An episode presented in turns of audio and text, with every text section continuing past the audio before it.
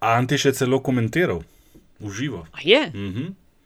Da se je ravno kar oglasil en predstavnik generacije, smo jih govorili o teh, ki so doma.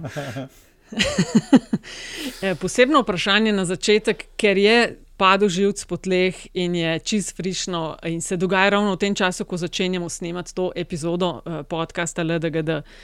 Kaj menite o izjavi ministrice Kustec, ki je za dijake Mariborske srednje ali eh, gimnazije, ki so protestirali zaradi zaprtja šol in tako dalje, in dobili visoke kazni, rekla, da to je pa na nek način prav in da bodo prevzeli odgovornost, ker je to prvi korak v odraslost. Ja, no, A je še mislim, komu padel živc po tleh?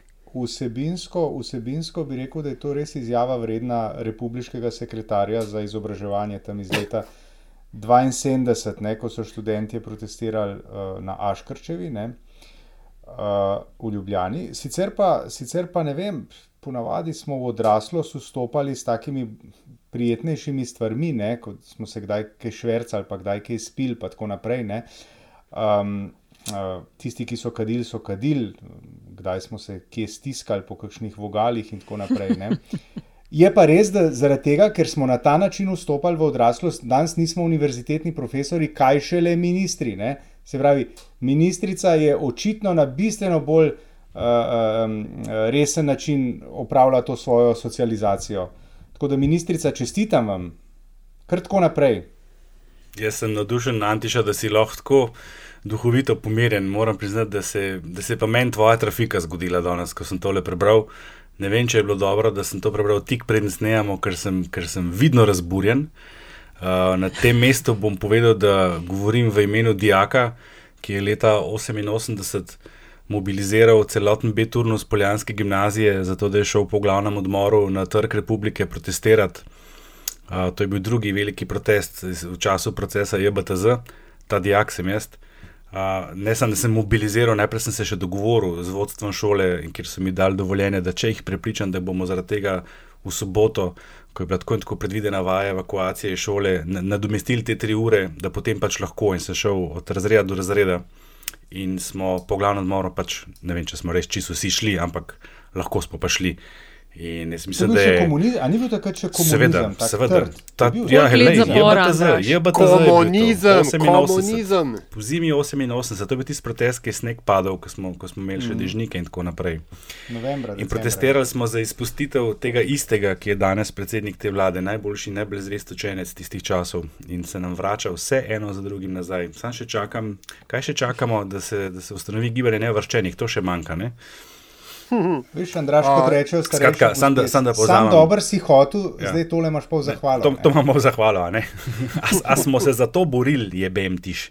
Drugač pa uh, samo eno besedo za tole, tole dejanje Kustečeve, sramota. In veliko boljš bi bilo, če bi bila ona danes tiho, ne pa ministrica Kozlovičeva v ponedeljku v Studio City.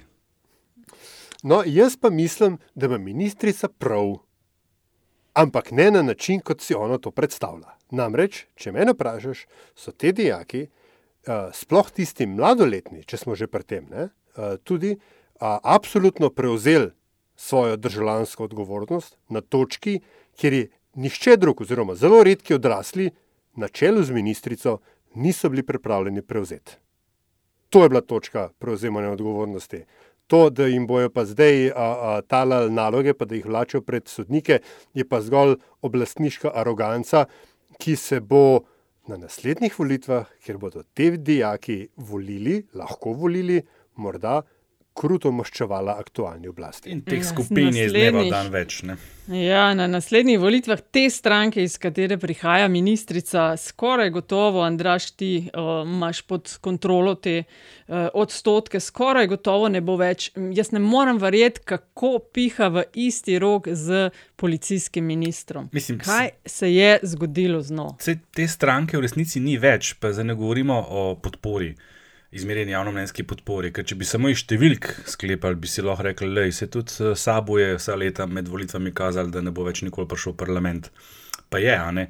Tako da iz tega ste ne da sklepati, ampak to seveda ni več stranka, ki je bila na volitvah 2018, to ni stranka, ki jo je volilo takrat skoraj 100 tisoč voljivcev.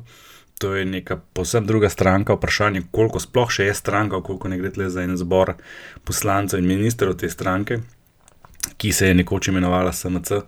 In ta stranka, kot taka, sedaj, če ni več, tudi ne more priti v parlament. Ne, ne izključujem pa možnosti, da, da se pa iz te združbe razplete kaj drugega.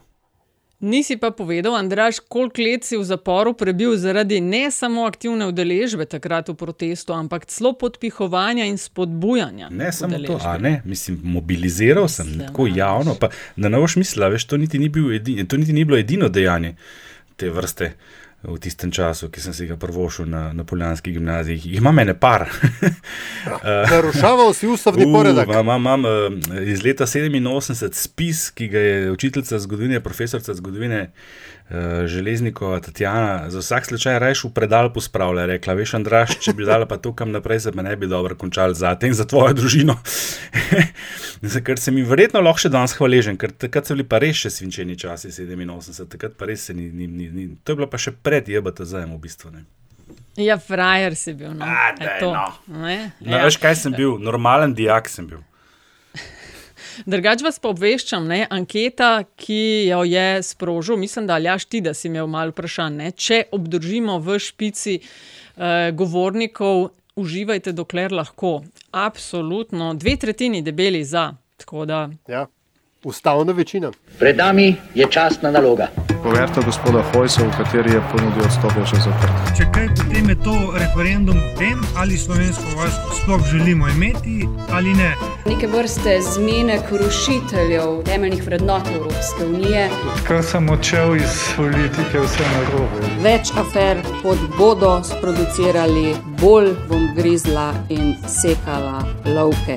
Osebno sem se danes testiral, čakam na rezultate zaradi preventivnih razlogov ne bo potem kakšnih dilem. Mi nismo ničesar plačali, tako da zagotovo ne gre za goljofijo. Pa si vi sploh želite čim prejšnjega konca te epidemije? Te razprave ne bom nadaljeval, ker eh, nisem neumen. To je LDGD, podcast, ki nikogar ne podcenjuje in ničesar ne jemlje preveč resno. V imenu svojih najbližjih in v božjem imenu vas pozivam na lov. Uživajte, dokler lahko. Hvala lepa. Podcast je to, ki nikogar ne podcenjuje, ničesar ne jemlje preveč resno, še posebej ne politike. Menimo Antiša Korjan, primorske novice, Andraš Zorko Valikon, Aljaš Pengov Bitence, Radio Chaos in Nataša Briški, Metina Lista. In vas pozdravljamo v novo epizodo LDGD-ja. Na glas kličemo hvala za deljenje epizode, za vprašanja, ki jih pošiljate. In res, pol hvala za uh, zelo prijazno podporo ustvarjanju vsebin uh, na metini listi. Tako, res, res, pol hvala za vse to. Um, plan, aljaš, za danes.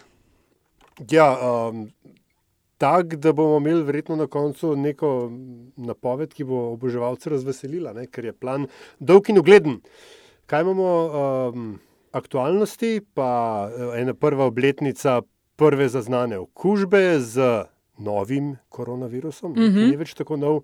Pa kaj imamo še? Veš kaj, kaj mesarsko klanje levo od sredine. Uh, ja, profesor seveda, Damjan ja, ja, z ja. idejo nove platforme, pol, eh, nova stranka Leben in skratka klanje in razkoli, ki se tam dogajajo. Ampak demo. Ti, ti, ti, ti si bila glih na, na tistem koncu, ne, um, ker sta pri savici, ne, ne boj, ja, ja. mesarsko klanje. Mm -hmm. um, a, a ja, točno, stara bizarka. Če vas še to zanima, no? da še tole odkljukamo takoj na začetku. Um, zmagale je ampak tesno. Uh, te bizarni ukrepi, ki jim oblastniki še sami ne verjamejo, 34 odstotkov, potem pa že uh, črnačva fangal in tista rdeča maska. Pardon. 30 posto, ja, in, in bizarke, ki so tako hude, da mož da dveto, Andraš 20 in pa poslanec Breznik za avionsko metaforo, no to sem mislila, da bo več. Tole je bilo sam s 16 odstotki. Ja, zdaj vidiš, zakaj nimamo državnega letalskega prevoznika. Tako se fulj se veselim novih bizar, ker je spet sta dva tedna bogato obrodila, ampak najprej pa Andraš. Uh, ravno ko to snemamo, je 4. marec in pred letom dni, na 4. marec, smo potrdili prvo okužbo, kot je rekel Aljaš, z novim koronavirusom. Ne. Vi, tvoj Valikon, dela že zadnje leto nova normalnost. Uh, spremlja odziv ljudi na vse to, kar se dogaja, kje smo zdaj, to po enem letu. Ja, zdaj v teh dnevih jih pripravljamo analize, kaj se je v tem letu zgodilo, primerjave za nazaj, podatkov imamo res ogromno, časa malo manj. Hvala za to vprašanje, ker bo to v bistvu premjera tega, kar bomo v prihodnih dnevih začeli objavljati, pošiljati okrog. Uh, z eno besedo smo precej na slabšem, kot smo bili, razumljivo, ne samo zaradi teh številk, kot jih gledamo danes. Uh, situacija je sicer precej drugačna, takrat smo bili vsi precej prestrašeni pred neznanim virusom, kaj bo, kaj bo gledali smo slike iz Bergama. Tega ne smemo nikoli pozabiti, tega, tega občutja, ki smo ga takrat doživljali v tistih dnevih. Jaz se zadnje dneve lepo spominjam tega, uh, tega obdobja. Uh, če pogledam čisto številke, se pravi odziv javnosti, smo pa tako le približni. Mi smo, mi smo trenutno v opisovanju osebnega doživljanja na zelo negativni strani, že od nekje, nekje septembra naprej. Uh, in to občutje, se pravi, kako doživljamo, ne, to, da je, ali je predvsem brezupno, kritično, neprijetno, trojujoče, še kar ustraja nad polovico populacije, in ti odstotki so kar krpko višji, kot so bili v tem spomladanskem delu. Začeli smo 44, danes smo na 58, še vedno, kot rečeno, od septembra že naprej. Nad 60, prvič smo šli zelo po 60. Ne. Edina stvar, kjer smo, mogoče malo na boljšem, je ta uh, pogled, ali gredo stvari na bolje ali slabše. Uh, uh, kjer smo nekoliko bolj optimistični, spet zadnje dva, tri tedne. Drugač pa zaskrbljenost glede širjenja tega virusa je približno taka, kot je bila lani spomladi. Ni večjih razlik, eh, samo enkrat sam, kad je padla, da je padel ta delež pod 50, ta delež zaskrbljenih, to je bilo eh, junija, seveda, ne, ko se je stvar malo umirila. Tle smo seveda na, na dveh tretjinah, tako kot v podpori Jelku Kacinu v naši špici.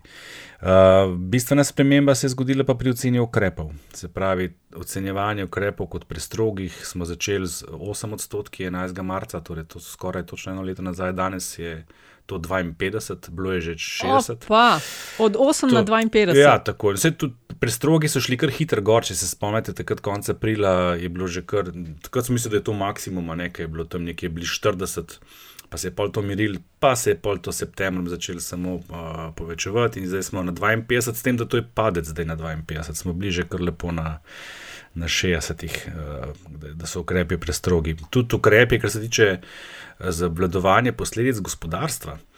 Uh, to tudi ni zanimljivo. Tle je bil uh, odstotek tistih, ki so ocenili, da so bolj ustrezni, blizu 50 uh, ob koncu marca lani, zdaj smo na 11%. Samo. Zdaj se vidi s časoma, ko so te ukrepi prišli v veljavo, ko ljudje točno vidijo, kaj pomenijo, veliko beremo o raznih zamudah in tako naprej pri izplačevanju.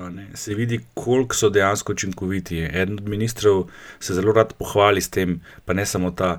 Eh, kako da, eh, kako da so namenili toliko in toliko denarja za ne vem kaj vse, in eh, da s tem rešujejo delovna mesta, in tako naprej. Ampak, dragi moji, samo še 11 odstotkov populacije ocenjuje ukrepe za blaženje oziroma za obvladovanje gospodarskih posledic za prebivalstvo in gospodarstvo nasploh kot bolj ustrezne. Da so bolj neustrezni, smo že kar nekaj časa na več kot tretjini, ostali so nekje pol-polne. Uh, zaupanja vlade, žal, nismo merili na ta način vsega začetka. Smo začeli šele avgusta, prav v kontekstu upravljanja z epidemijo, ampak tudi takrat smo imeli ne tri, štiri meritve in uh, moram priznati, da je prišlo do velikega preloma v bistvu uh, jeseni. Uh, ker vlada je še do, recimo, tam nekje septembra uživala relativno visoko stopno zaupanja, uh, Ne glede na to, da je ta negativna, ampak moramo vedeti, da minus 25 pri vladi, kjer že leta in leta merimo uh, stopne zaupanja okrog minus 50, minus 60, je to dober rezultat. Ne? Ampak to se je pa novembra, decembra precej poslabšalo. Mm, najbolj kritično je bilo v začetku januarja, minus 52, to, to je že tista tradicionalna dolgoletna stopna nezaupanja v vlado kot institucijo. Ne? Eh, zdaj se malo izboljšuje, ampak še vedno smo na minus 45. Skratka, imamo upravka z precej nerazpoloženimi ljudmi, kar se tiče osebnega doživljanja, precej kritičnimi, kar se tiče ocenjevanja ukrepov, tako za širjenje, oziroma za omejevanje širjenja, kot za omejevanje posledic. Uh, zaskrbljenost je visoka, nezaupanje vlado je visoko. In ne na zadnje, to je pa tudi uh, mogoče pa malo bolj srednjeročno pomembno, počasi se bodo začele poznati te gospodarske oziroma ekonomske posledice, finančne posledice za prebivalce. Vemo, več smo mi govorili, da obstajata le dve skupini ljudi, tisti, ki res trpijo in tisti, ki jim gre v bistvu bolje. In to se zdaj kaže tudi v teh naših tako imenovanih recesijskih segmentih, ki se počasi približujejo strukturi, ki jo poznamo iz septembra 2009. Uh, na eni strani raste delež teh tako imenovanih prikrajšanih, na drugi strani raste tudi delež tako imenovanih preskrbljenih, se pravi, obe skrajnosti sta v porastu, uh, ampak to, kar pa skrbi, je pa ta struktura teh vseh petih, ki je pa vedno bolj podobna tistemu obdobju, predno je recesija pa zares udarila. Jaz mislim, da to je nek indikator, da se nam bližajo počasi pa te posledice. Uh, v delu populacije, seveda, govorim, zdaj ne za vse, ne bo za vse enako, ki pa čutijo to, te, te posledice na ekonomski ravni. Podvukave na kraju svog izlaganja. Se bi lahko še, sem se mi zdi, da sem že tako čist predolg. Na dekaš penale, da bo od Valikona, ko še preden bo Valikon dal, vam boš ti vse povedal. A, vprašanje sveda je, kako to informira nadaljni uh, razvoj političnih dogodkov oziroma uh, premisleke ne, na eni strani koalicije, kot na drugi strani opozicije. In verjetno še prej vprašanje ne, za vse nas tri, pa recimo, da zdaj pač Antišov izpostavil. Ali Antiša meniš, da je to, kar je Andraš a, je povedal, ne, in implikacije tega, da so oblasti jasne? Uh. Jaz imam blag občutek, da se oblast uh, pod krinko tega, o čemer je govoril Andraš, ukvarja z marsičem drugim, ne, do česar bomo verjetno tudi prišli. Uh, vsaj v nekih konturah, verjetno jim vendarle je jasno, ne, da nezadovoljstvo narašča, da uh, je ta, kako si rekel, Andra, Andraš, prikrajšanost je vse večja in vse bolj očitna. Um, In ravno zaradi tega se mi zdi, uh, zaradi tega, ker se zavedajo tega raztočega nezadovoljstva, se mi zdi, da se potem posledično odločajo za uh, zategovanje ukrepov na področju čisto osebnih svoboščin. O čemer, kot rečeno, bomo, uh, upam in verjamem, govorili tudi v nadaljevanju. Ne? Ja, kar daj, kaj hočeš povedati na to temo? Ne vem, vprašaj. Ja, Namiguješ, o čemer bomo nadaljevali. Pač, uh, ja, povedal. Ne, hotel sem reči, da pač od nas štirih ne, imaš ti eh, najbolj izdatno kilometrino tudi v biznis delu žurnalizma. Ne, in imaš pač verjeten občutek, ne, po eni strani, ali je uh, um, ta oblast uh, ima posluh tudi za splošne trende v gospodarstvu, ne samo za posluh za tistega, ki je zadnji z njimi govoril. In uh, na drugi strani, ali je gospodarstvo, bakterije v gospodarstvu, pri nas dovolj proaktivni in samoinicijativni, da uh, se znajo prilagoditi prihajajočemu? Ja, jaz mislim, predvsem to drugo. No. To drugo, jaz mislim, da je gospodarstvo um, je večji del, no, tako bom rekel. Ne. Je bilo pripravljeno, ker mu drugega ne preostane, in se je uh, tisti najbolj agilen del, se je že zdavnaj prilagodil um, se odzval in poiskal nove poti do svojih uporabnikov. Samo če ilustriramo z uh, tem, morda celo najbolj očitnim, ne, to je ta gostinski sektor. Ne. Če se spomnimo, v prvem valu ti nisi mogel ničesar nikjer dobiti. Danes, in to zdaj že nekaj časa, ne, ti dobiš vse in to povsod, in to legalno. Am razumete? Se pravi, lahko ja. razen piva, pa vina, no, pa šnopsa. Ampak to pa verjetno ilegalno dobiš. Ampak hočem reči, ne, ti dobiš za jesti, ti prepelejo, si greš iskat, dobiš za pit, dobiš kavo, dobiš sok, karkoli. Um, in to je po mojem ilustracija tega, da se je, ker so bili ljudje prisiljeni, se ne gre drugače. Ne? Ljudem je bilo jasno, da če bodo ravnali tako, kot so bili prisiljeni ravnati, zaradi tega, ker jih je ta epidemija dobila v prvem valu nepripravljene, tako kot nas vse, ne, um, da bojo uh, preprosto, da bojo šli pod zemljo. Ne, in so se morali ljudje, podjetniki, ne samo gostinci, ampak podjetniki so se morali organizirati, morali so biti iznajdljivi, morali so biti agilni uh, in so to naredili. Zdaj, vlada o tem pa bi rekel, ali sliši in kako sliši, pa jaz moram reči, da premalo vem, da bi si tako rekel, dr, drzno meritorno soditi o njihovih ukrepih. Ne. A veš, kaj bi Mi pa jaz na temo, in na pač temo gospodarstva? Sej smo v notranji skupini nekaj malega o tem, pa uh, smo ugotovili, da mogoče je kdo drug pristojen, ampak se mi vsem zdi, da je pomembno to vprašanje dati na plano. Namreč mi komentiramo, seveda v podkastu, aktualno notranje politično dogajanje. Kol, ugotavljamo, kakšen švohizem je uh, ponudba aktualna politična. Ne? Komentiramo civilno družbo. Pridemo do zaključka, vsaj jaz, da je aktivna. Veš. Imamo proteste od, od marca dalje, uh, imamo zdaj na zadnje, recimo, uh, ravno ta teden, ko snemamo. Je pravna mreža za varstvo demokracije vložila prvo uh, ustavno presojo. Skratka, civilna družba nekaj dela. Ne? Pa sem se pa sprašvala, kaj pa gospodarstvo? A je tista, veš, levo in desno se dogaja ena taka hecna razgradnja družbe, pa ne slišim glih velikih gospodarstvenikov, da bi na to temo kaj rekli. Kot da se jih tič ne tiče, kot da je na koncu dneva samo tisto, kar bo, ne vem, eh, svoj biznis, pa levo in desno nič od tega. Bi tako, bi tako ti, oprosti, Andraš, ampak um, si mi dala lepo istočnico. Ne? A se ti zdi, da renomirani direktori, ki imajo za poskrbeti za desetine in stotine plaž, da se jim da prenašati plas, ki ga je doživela Ana, uh, Ana Roš? Jaz mislim, da ne, ne. In jim jaz tega niti ne morem zameriti. Ma, ne gre za zamert, ne, ampak gre za to, da gre za eno pomembno obdobje, ki se dogaja, ne, in zdaj tist, mi bomo stran zaradi tega, ker nas boli. Mislim, a veš.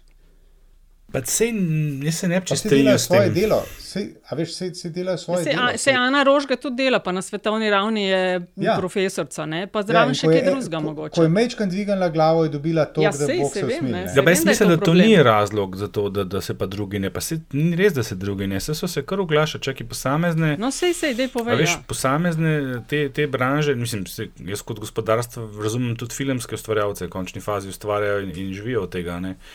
Uh, z- z- pogoje sem imela konkretno recimo. zdaj- Ja, vem, kaj Ja, misliš. saj veš, ne, ne glih ja, ja, razumem, ne. Imam, mislim, Ja. imamo tle uh, gostince, uh, ki so se oglašali in tako naprej, to je tudi gospodarstvo. in tako Ja, naprej. ja. Ampak ne, uh, spomnite se, kako aktiven je bil GZS nekaj časa še pod Sonjo Šmuco. Oni so imeli kar veliko zapovedati. Okrog ukrepov in tako naprej. Sicer morda ne v taki smeri, kot ti zdaj le govoriš, ne? so šli pa še neko drugo smer. Ne? Oni so se zagovarjali, Mm. češ, da podjetja niso kriva za, za, za širjenje okužb.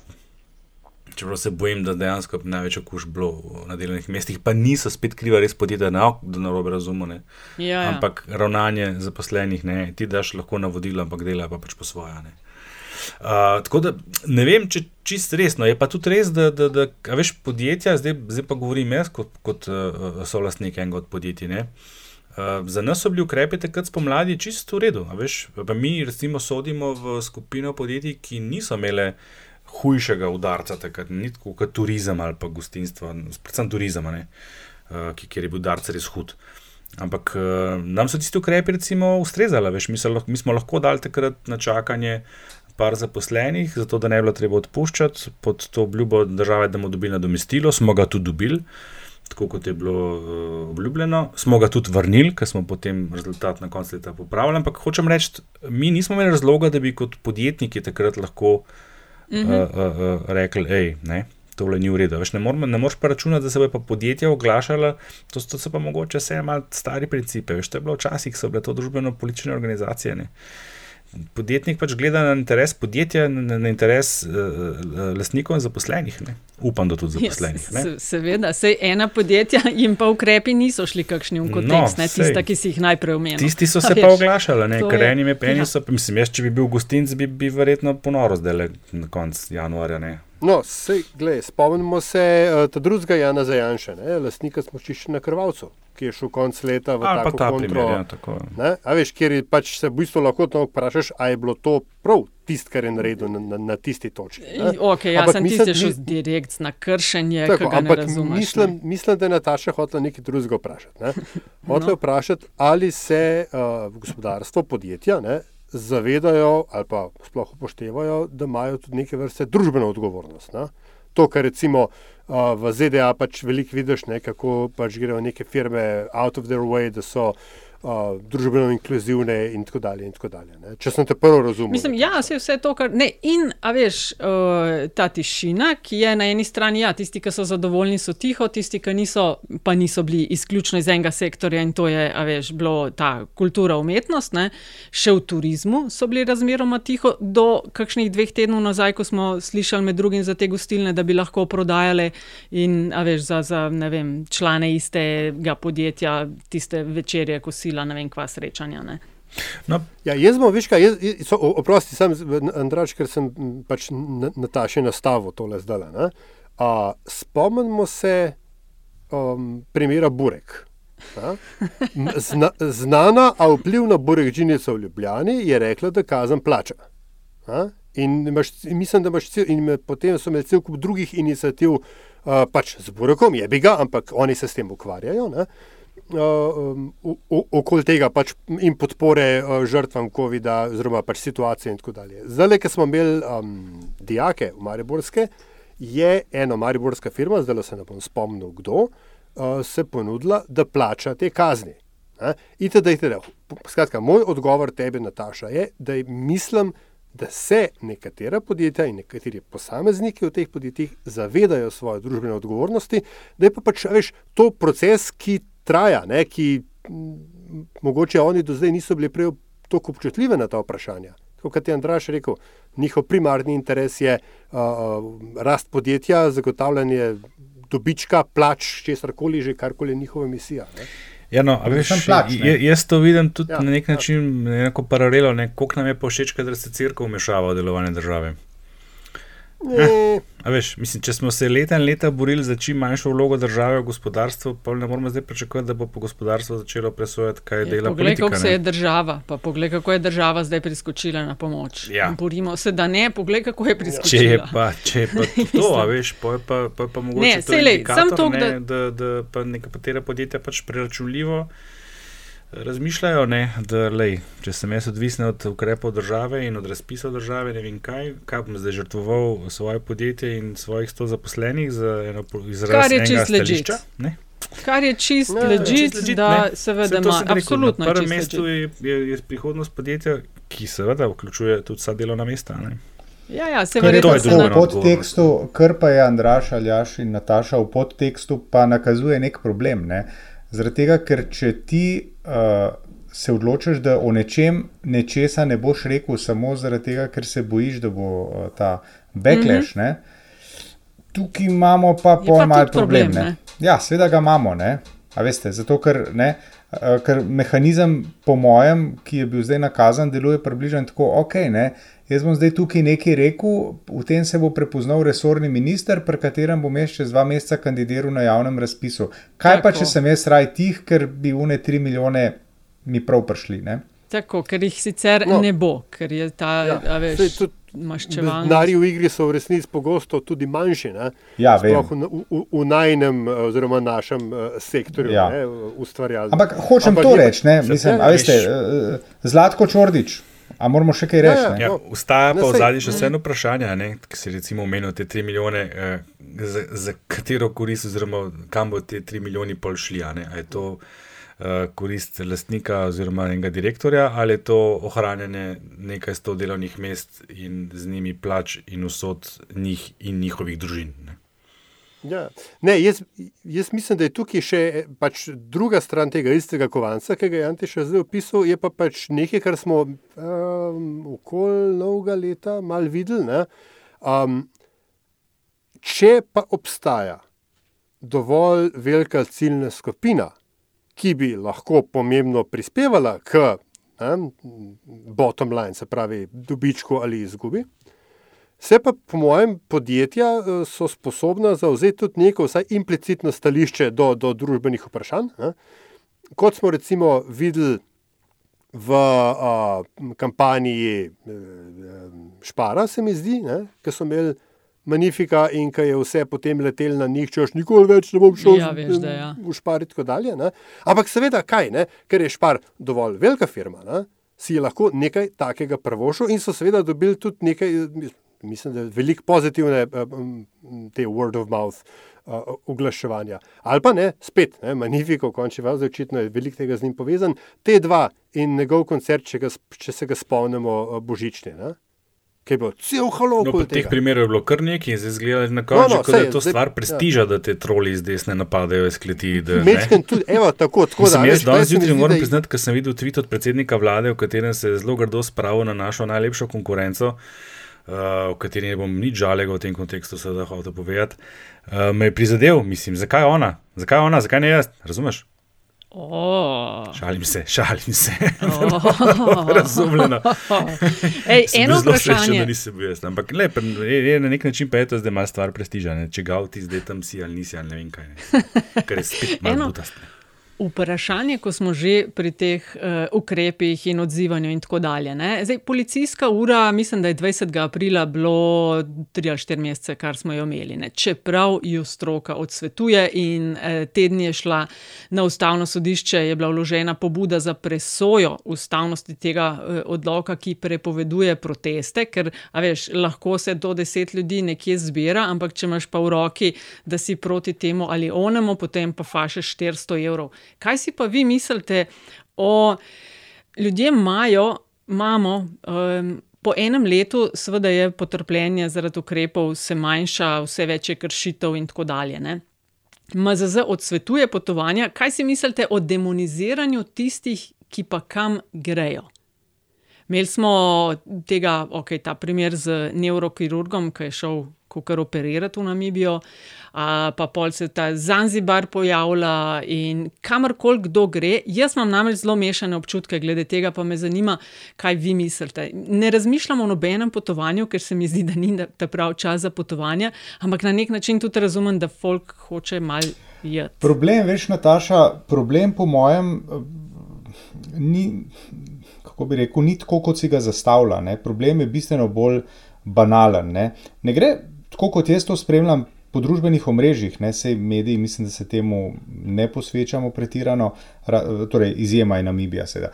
Ampak um, um, se mi zdi, da ni demoniziranje tega, da je nekdo nekam šel in v zvezi s tem povezanih uh, dejavnikov tveganja, ki bi lahko nastali, recimo. Ne? Bolj se mi zdi, da je tukaj v igri preprosta fušija. Zato, ker tudi vsebinsko, če gledamo, kaj se potem učita tem ljudem, pa če je bila že prej Ana Roš omenjena, pa ne bo še tukaj, ne, se ni bil problem to, da je šla ona tja na, uh, na Zanzibar. Ne. Problem je bil to, da je ona dobila menda nek denar od vlade, kot pač milijone nekih drugih gostincev. Ne? In lejte, kaj je z njim naredila, lejte jo, vse je treba pobrati. V tem je problem. V tej logiki, ki uh, um, priča samo o tem, da pač mi smo zaprti v te svoje občine in občince. Ne? Ja, seveda, občine in občince, ne, a veš, se imamo pa fajn, ker je nekdo drug šel, ker si to lahko prvošči na Zanzibar, ne, odkudar se mu otroci šolajo, on je pa v relativno uh, izoliranem okolju, ne, ali imamo pa problem, da si jim bivši predsednik vlade, ki je bil dolga leta funkcionar mednarodne finančne organizacije, kup neko poprečno hišo čez, tamle čez mejo na Hrvaškem. Ne. Mislim, mi se s tem ukvarjamo, veš, govorimo o mm. Tonetu Ropu, ki je včeraj, ja, ja, ja. se pravi, v sredo ja, ven ja, ja. prišlo, da si je kupil. Mislim, bilo je, da si je kupil na Beleru vilo, eno navadno hišo si je kupil. Mislim, Mislim hvala ja, lepa, Janu, pa Janu, pol ja, porto, ja. pol portoroža, pol portoroža je lep, trg, od ja, tega. Ne? itak, ja. No. Ja. Ampak Hočem to reči. Nataša, ne, v odgovor na tvoje vprašanje je, Ja. uh, ni to, da zdaj mi potujemo in smo možni prenašalci virusa. Ne. Mi smo grdi, tisti, ki potujejo, so grdi zaradi tega, ker to počnejo in si to lahko prvošajo in uživajo v tem. Ne? Na ta način je predstavljena. Ne? Ja, seveda. Ja. ne. Šele potem je to je prišlo, tudi vsa recimo- vsebina, to je vsa vsebina te demonizacije. Ampak šele potem na koncu je prišlo ven, da pravzaprav je šel ta uh, zdravnik uh, delati na črno, da besedno. Ne?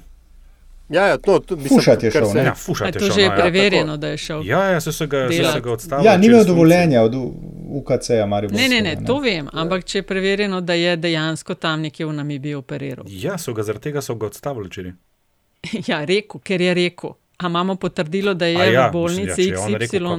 ne, Dvom. Ja, tem, No, glej, rekel. veš kako, kar se, kar se doktorja Mariborskega tiče, smo mi zdaj definitiv, definitivno v fazi, da the cover up is worse than a crime. Je, ja, ja. Veš, da imamo na isto foro, pa še mi v to zašli. Ne, tako, ne, bomo, ne, ampak, ne vemo, ampak, ampak na, tisto, kar je pa. Ja, oh, Pejmo, kar je pa Antiša samo opisal, ne bi pa sam, veš, da je to mogoče en tak zašil to nazaj na, za, na začetno Andraževo izvajanje. Kako lepo ti lepo nas popraviš in poveš, kaj smo hoteli povedati. Ja, lej, pač Sem čakal, jaz... da boš to rekla, Nataša. Kle no, smo, veš, jaz sem pač kle dajem linijo, linijo, linijo. Ajde, šivaj, deklica. Um, Andraš je omenil uh, ta razliko ne, med, med prikrajšanimi in tistimi, ki jim je dobro, in, in da te dve skrajnosti, če prav razumem, vedno bolj na vzgor silta. Ne. In mogoče, je, smer, ja. tako, in mogoče je tukaj vprašanje teh potovanj in možnosti potovanj tudi malo to. Veš, da, okay, eno je fušija, ne, drugo je pa pač dejstvo, da se zdaj ljudem, ki so prej lahko potovali zaradi pojava nizkocenovnih prevoznikov, tašnih in drugačnih, in last minute paketov in tripama. In po, je, po, postaja jasno, da bo to v bližnji prihodnosti zelo težko, da bodo te uh, stvari, uh, se temu reče, ležer, ne? kaj je to uživancija in tako dalje, Oddih, da bodo žali Bog. Omejene na tiste, ki se bodo spet to mm -hmm. lahko. Ker ni več tako fušija, kot je postaja tako. frustracija. Ampak, tako. kar se mi zdi pa bolj pomembno v tem primeru, pa ne da je to, kar si povedal, ne pomembno, je pa moje osebno opažanje, da vedno več ljudi doživlja to hudo diskrepanco med tem, češ jaz se vsega držim, upoštevam, mm -hmm. stvari se ne spreminjajo, zakaj bi to še vedno mm -hmm. počel. Eni lahko, jaz pa ne. Mhm. Pa ta eni lahko, jaz pa ne, praviloma prahaja strani vlade, ne, ko dobimo vsake tok časa en, ne vem, hojsov poskus prehoda meje ali pa počivalškov sendvič ali pa ne vem kaj še vse. Vsake tok časa je plesirana ena taka. Sovin, sovin banket. Arogantna ne, nesposo, recimo, ne. Nesposo, ja. nespodobnost. Eh, vladajočih uh, predstavnikov. Ha, to ja, so ta, ta banket, pa, pa um banket ja, z olimpijskim ja. komitejem, pa um sprehod. Pa tega je bilo enostavno preveč. Ja. In ljudem poka, sorry, zdaj si pa ti predstavljaj, da si pa ti istočasno, ja. ne samo da si tak, uh, uh, bo neko boga boječ uh, državljan, ki spoštuje vse ukrepe, da si pa ti hkrati še v tisti skupini prebivalcev, ki si pa neposredno ekonomsko prizadet. Ker teh ni malo. -huh. teh skupin ni malo. Veš, in pa, pa jaz razumem izbruh te, ja, tega gneva. Ja. Ja, ja, ja. Ja, to prav, je bila evo, tudi ja. ta bizarka, ki je zmagala. Ukrepi, ki so tako hecni, da jim še sami oblastniki ne verjamejo. Pejmo zdaj malo na to, ta razkroj desno od sredine, ki se dogaja. Ne? Levo. Imamo... Levo. Pardon, Levo pardon, pardon, ja. no, čeprav tudi to De, ni naša desnica, je mo monolitna. Ja, e, Tako je. Ja, ja, ja. na nek način, da se tam en razkroj dogaja. Okay, um, no, levo, Drugič. recimo od uh, sredine. Ne? Imamo profesorja Damjana, ki ga je ki so ga stranke SAP, LMŠ, SMC in potem Desus imele kot v, za predlog, predlog mandatarja in na čelu koalicije KUL in ta profesor, potem ko je to bil Rjavec in je tudi šlo v franže, zdaj postavlja, kot je povedal v oddaji Studio City, nekakšno platformo za konsolidacijo leve sredine, ob čemer je dejal, da SAP LMŠ in SMC nimajo vsebine, po njegovem, uh, nasplošno, da sredinske stranke nimajo vsebine, Antiša. Štafeta ja, je tvoja. Hvala. Um, torej, Jože P. Damjan ni prvič, da postavlja tako platformo. Ne? Jaz bi moral spomniti, da je včasih v tej državi obstajala ena skupina, ki si rekla, oziroma smo ji rekli, je za njih veljalo, da je ta uh, mlado ekonomisti, slovenski makroekonomski forum, je to bil. Tam je bil Jože P. Damjan, tam je bil uh, Masten, tam je bil Mrkajič. Uh, ne, to je bilo še prej, veš? Ne, ne, to je bilo prej. Je bilo še pred reseti, resetiranci. Ja.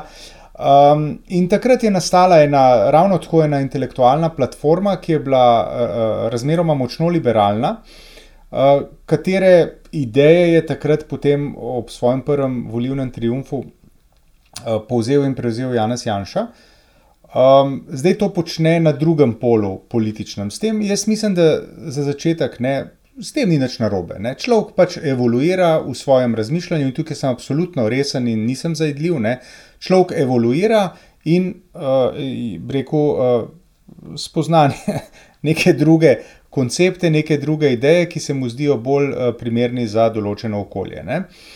Zdaj, kar se pa tiče, uh, in, d, s tem, da človek pripravlja neko platformo, na katero bodo ljudje uh, na levi sredini potem prišli, se na njo priklopili in uh, bo nastala stranka, s tem ni nič narobe. Vprašanje je samo, ne, vprašanje pa je, kdo bodo ti ljudje, kdo bo voditelj tega projekta, um, uh, kako množično bo to, in predvsem, kdo bo tisti obraz, ki bo sebe posodil, zato da bodo ljudje šli na volitve in ga obkrožili. Uh, iz uh, epiloga zgodbe o Kulu, ki ne, je vsaj v polčasu propadel, to je zgodba o konstruktivni nezaupnici. Ne, um, um, si mislim, da vsaj na obstoječi parlamentarni levi sredini se bo treba vsaj močno, močno potruditi, da se koga pridobi zraven. Ne.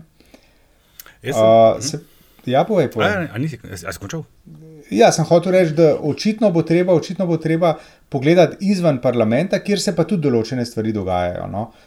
Um, Medtem, ko se bo tukaj merjenje egov očitno, očitno nadaljevalo, ker človek bi nekako pričakoval, če se doživi uh, bridek poraz v parlamentu, pa se je nekaj časa tiho. No, znotraj kula se nekaj časa ni bilo tiho, ampak se je kar hitro začelo prepiranje. Govorimo o kratki izmenjavi med uh, Jožetom Padamjanom in predvsem Marjanom Šarcem.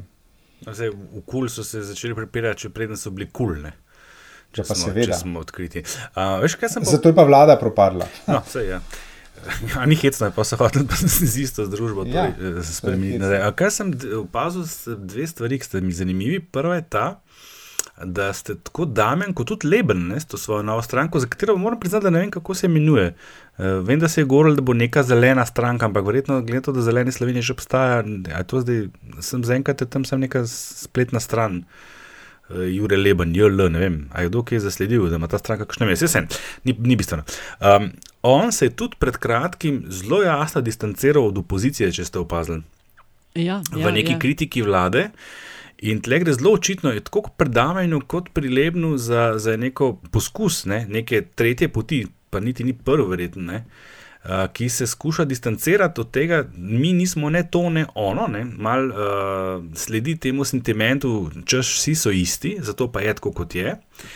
In da zdaj prihaja do res do nekega razkola, to ta beseda sploh ni tako neumestna v resnici. Ne. Uh, znotraj tega dela levo, levo od sredine, kjer se pojavljata, pa po mojem, dva tabora. To je pa druga zanimivost, ki sem jo opazil. Če ste zaznali, kako je Šarec v svojem, kar že skoraj malo žovčnem odzivu na, na Damenovo izjavo, uh, potegnil k sebi še sap. A ste to zaznali?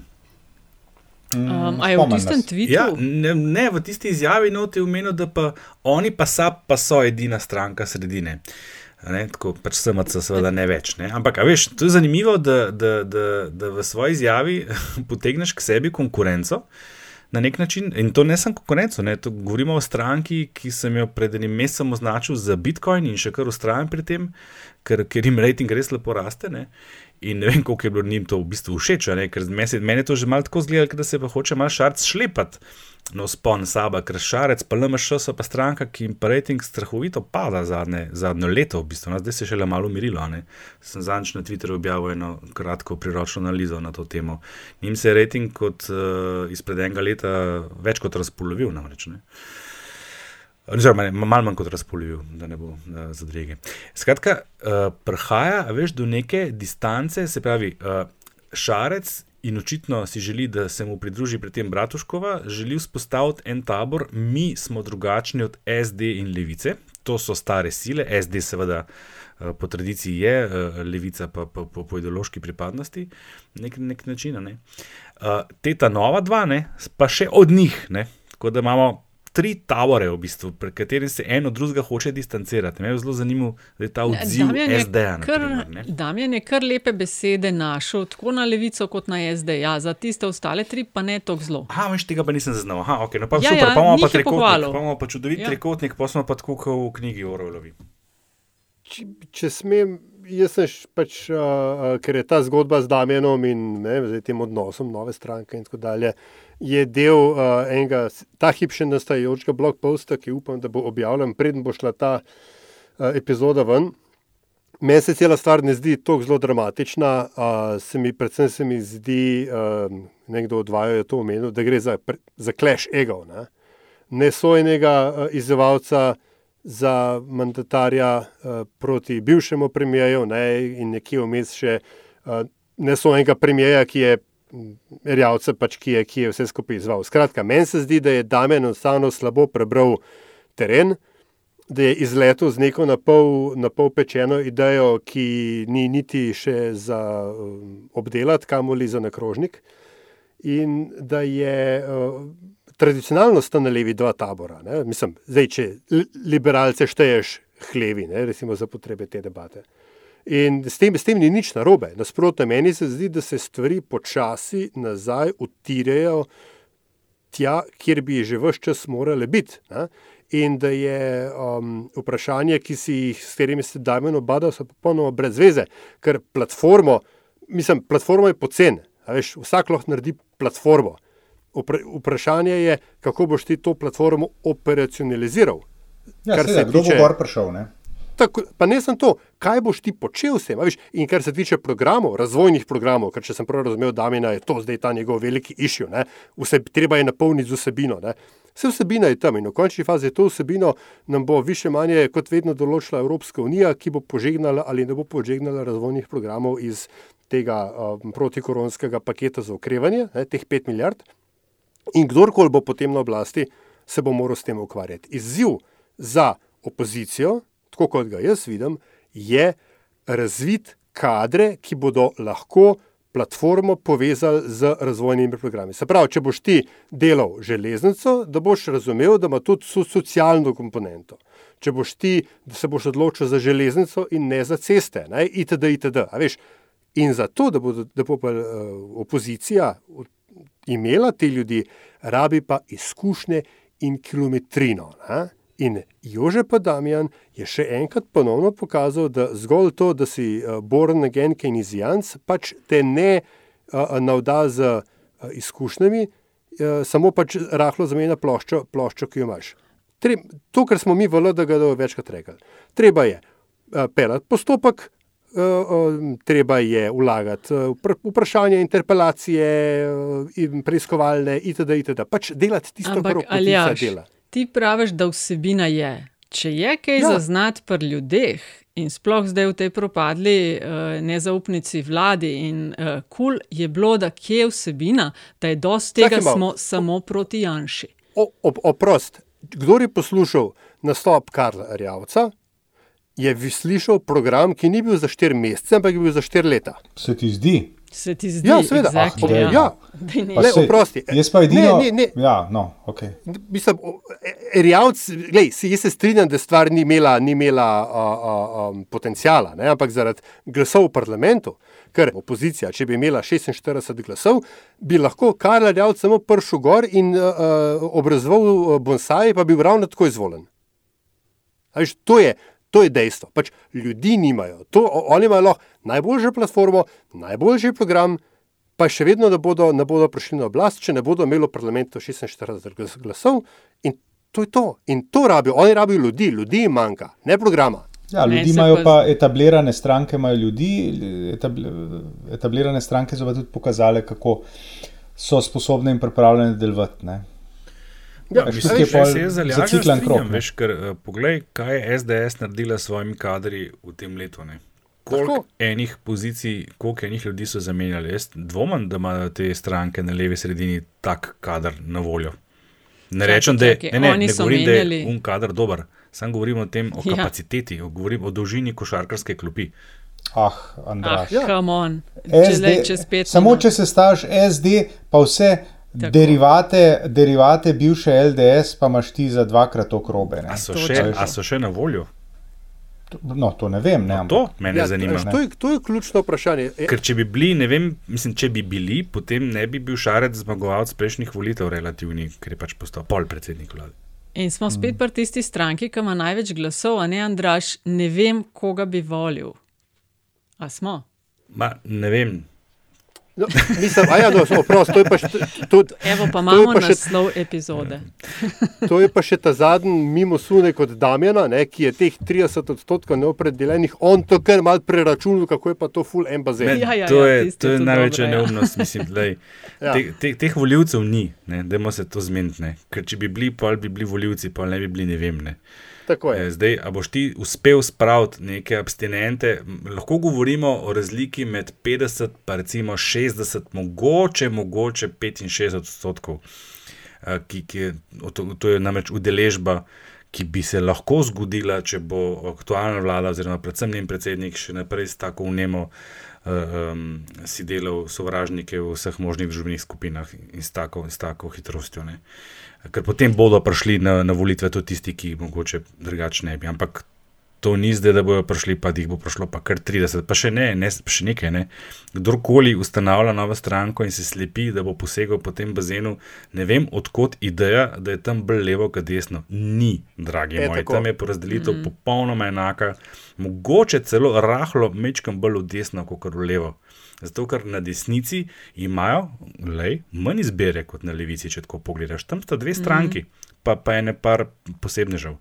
Ne, na levi imaš ti pet strank, pa še dve novi se najavljata, ki sicer najbrž še ne bodo tretirali kot levi, ampak spet smo pri tem, kaj je desno, levo v Sloveniji. Govorimo Ja. bolj, recimo, bolj avtoritarno, liberalno, no, da bo bolj jasno.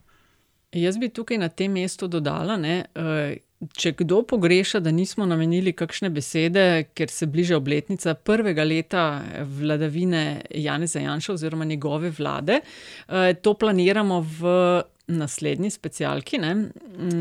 Moramo pa iti na bizarko, če se ne motim, ne, ker se nam mudi ali nekaj. Ja, hotel si sam povedati, da bo že čez en teden nova, nova To, epizoda. Ja. si to, povedati. to. Tako. Ampak ne razkrit ja. preveč. Ne. A ja, min grede, ker sem opazil, ja. da tudi vi malo šarte vmes po Twitterju, še en predlog za bizarko je padel med snemanjem. Smo videli, ti pa poglej ne? med tem našo direktno skupino. Hvala, Okej, Nataša. ej, bizarka. Ja, no, nova bizarka, eh, mogoče lahko kar jaz začnem, ker je eh, ena najbolj očitnih in se je zgodila kmalo po koncu snemanja prejšnje epizode in sicer Kopriva. Jaz, kaj dost na to temo, eh, je bilo že veliko povedanega, tako da jaz nominiram za novo bizarko poslanko SDS Alenko Jaraj, ki je v zanos obranjanja lika in dela SDS in Janeza Janše pozabila preklopiti med računi. In uh, je deloma komentirala kot uh, Alenka Jaraj, deloma kot Kopriva. Bizarno pri tem se mi zdi, da se poslanka udinja. Tako, ne Eh, ne to, da se je zajepkala, ne, ker kdo ima več računov, se mu je to že zgodilo, ne, se lahko zgodi, ampak to, da se nekdo, ki je tako rekoč v A kategoriji znotraj stranke, po vidnosti, po stažu in tako dalje, da počne nekaj takšnega, kar uh, poče, počne klet, se mi zdi kar, uh, kar precej bizarno. Tudi v tem celem paketu astroturfinga, ki so ga na počrto analizirali in ga forca na polno SDS. Uh, Tudi to, da se ne zgodi ob tem načne. Je bilo pa še ful predlogov, no, ampak povejte Poslanka, najprej. poslanka državnega zbora. Tako je. Ja. Alenka je raj, slash kopriva je moj No, in predlog. če je bila, če je bila Alenka Jiraj uh, prezgovorna, ne, potem bi jaz nadaljeval, Nataša, in bi za bizarko nominiral mučni posnetek oziroma mučno uh, minuto tišine, se mi zdi, ali pa eno uro, jaz ne vem, koliko je bilo. Uh, Liljane Kozlovič, ministrice za pravosodje v vladi Janeza Janše, ki jo je Marcel Štefančič v studiu City vprašal, kaj se zgodi, če bo prevladala ideja Janeza Janše nad njeno idejo v določeni situaciji. Ne. Potem je nastopila mučna, mučna tišina, tisti, ki se reče v angleščini second hand embarrassment, ki ti je neroden za unga, ki tam na, un, na uni strani sedi. Ne. Še bi jo lahko Um, pustil, prehiter je vskočil, Marcel. Ja, ja. Ma, č- Marcel je tudi. Vsi smo ljudje, ne, se bi jo lahko pustil še dve minuti, ampak ne, on je človeški. Ne. Ja, se pravi, uh, Liljana Kozlovič, ministrica za pravosodje in njena tišina v studiu City. Ja. Uh, Aljaš okay. ali Andraš, Aljaš, ne več veliko izbire. A Ja, uh, ja, ker Ne, ne, dejan draž, da ti, ker jaz ne vem, kaj boš izbral, skratka, jaz sem zdaj v dvomih. A ja, zdaj, jaz sem, jaz sem hotel, ok, no, lej, jaz sem ti dal prednost, ampak kar je je. Uh, jaz sem hotel v bistvu najprej uh, uh, kandidirati poskus fejkanja ankete od naše konkurence, uh, ki ne bi bila narejena in ne objavljena na 24 ur.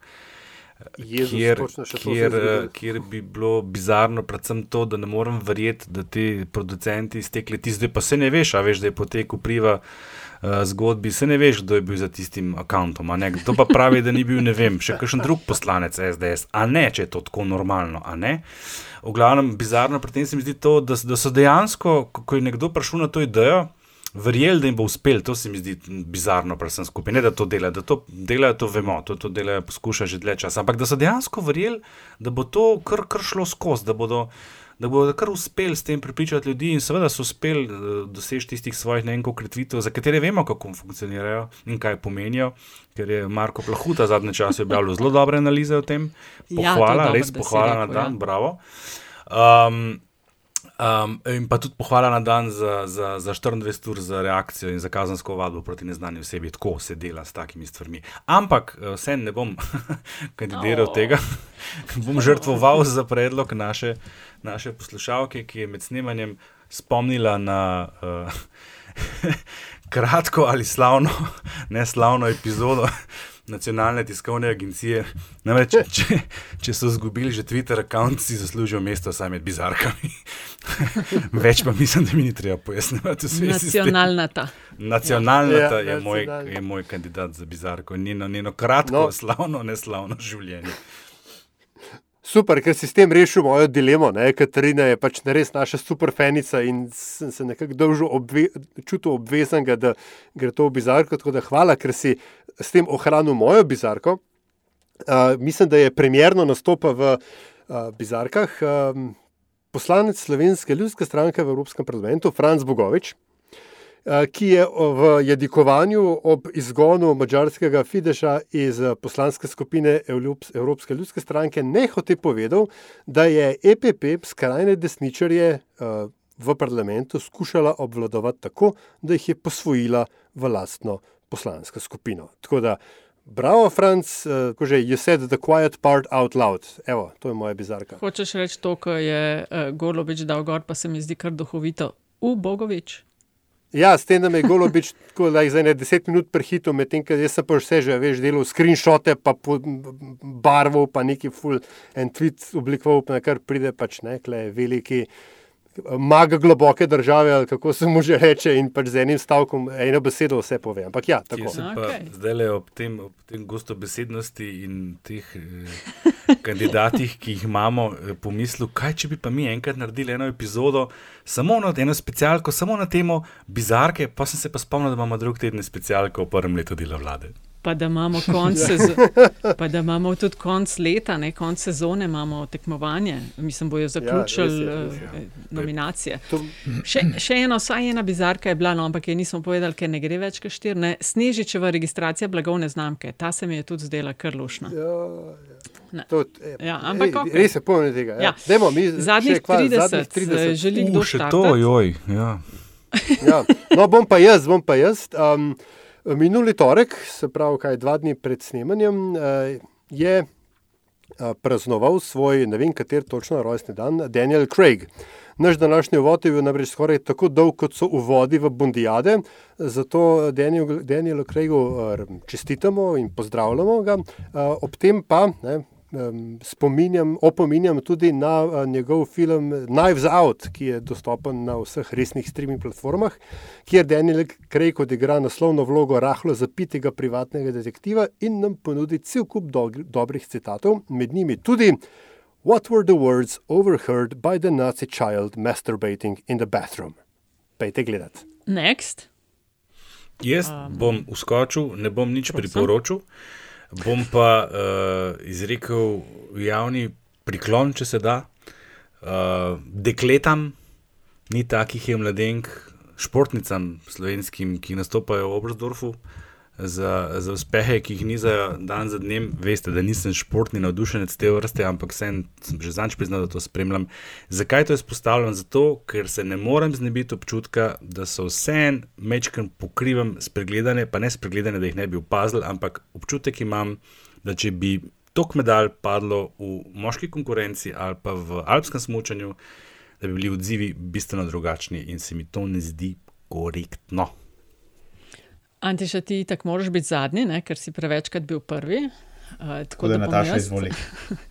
ker je eh, ravno mačarske polno te dni, priporočam ogled dokumentarca Hello Dictator, dosegljivega na programu Arte.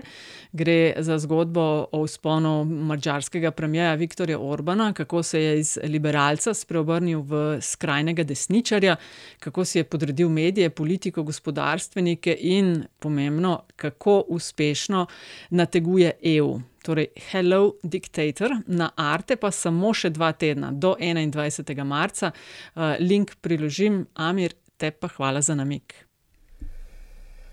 Ostopom na televiziji, na Ljubljani ena, kot rečemo stari občani, ne, se pravi na TV Slovenija. Od uh, začetka prejšnjega tedna vrtijo nadaljevanko, ki je začela nastajati leta 90 in se ji reče Northern Exposure, oziroma v slovenskem prevodu Severna obzorja. Uh, zgodba o zdravniku, ki po spletu na ključi, spletu na ključi uh, pristane Bogu za ritijo na Aljaski. Uh, tisto, kar je zanimivo, je, ko sem šel prvi del gledati, sem rekel, ajde, da vidim, če je 30 let, stva, uh, 30 let stara stvar še gledljiva in lahko mi verjamete, še kako je gledljiva. Problem je samo, da so stvar uvrstili tja nekam med TV prodajo ena in TV prodajo dva, tam nekaj po eni uri popoldne. 30. Ja, nekaj podobnega, kar je krivičen termin za take, tako oddajo, ampak s časovnim zamikom dan današnji to ne bi smel biti prevelik problem. Da ne omenjamo, da je to termin, v katerem mi običajno snemamo LDGD. Vsaj to bi lahko imeli v mislih. Ja. Ej, če top predloge imamo, če s tem ne podremo zdaj rekorde poslušanosti LDGD, pa tudi nič ne rečem. Ful, hvala, ker ste bili z nami. Hvala, če nam boste dali kakšno oceno pri ponudnikih eh, podkastov, za deljenje in, in vprašanja, to je pa vse še odprto. Imamo, nekaj imamo še na lagarju, no, v naslednji epizodi, specialka, že zelo k malu. Čau.